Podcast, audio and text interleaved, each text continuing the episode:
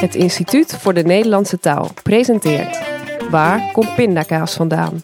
Twee keer per week een korte podcast met vragen over woorden. In deze aflevering, wat voor een appel is een sinaasappel? Voordat de sinaasappel, de zoete citrusvrucht, in Europa terechtkwam, was er al een bittere variant bekend. Die kwam uit India, de oranjeappel. Die groeide aan de oranjeboom. Deze vrucht was veel minder lekker dan de zoete sinaasappel en werd niet zomaar gegeten, maar verwerkt in bijvoorbeeld oranjebitter, het likeurtje. De zoete sinaasappel is van oorsprong Chinees. In de 16e eeuw namen de Portugezen de vrucht mee vanuit China. Al snel werd het fruit ook populair in Italië en vanuit daar werden de vruchten over heel Europa verspreid. Ze werden genoemd naar het land van herkomst, China's appels of appels van China.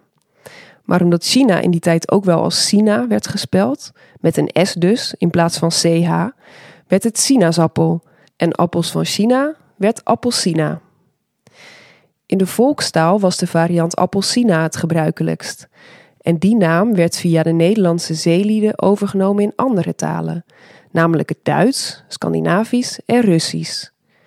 In België is appelsien nog steeds standaard, maar in Nederland is het uiteindelijk sinaasappel geworden.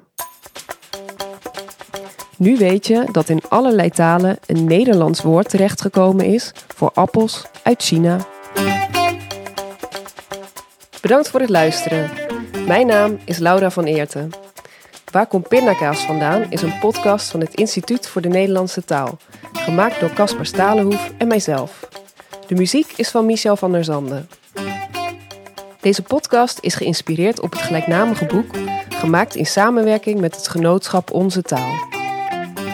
Wil je meer antwoorden op vragen over woorden? Bestel dan in de webwinkel van Onze Taal het boek Waar komt suikerspin vandaan? Meer over woorden vind je natuurlijk ook op de website van het Instituut voor de Nederlandse Taal, ivdnt.org.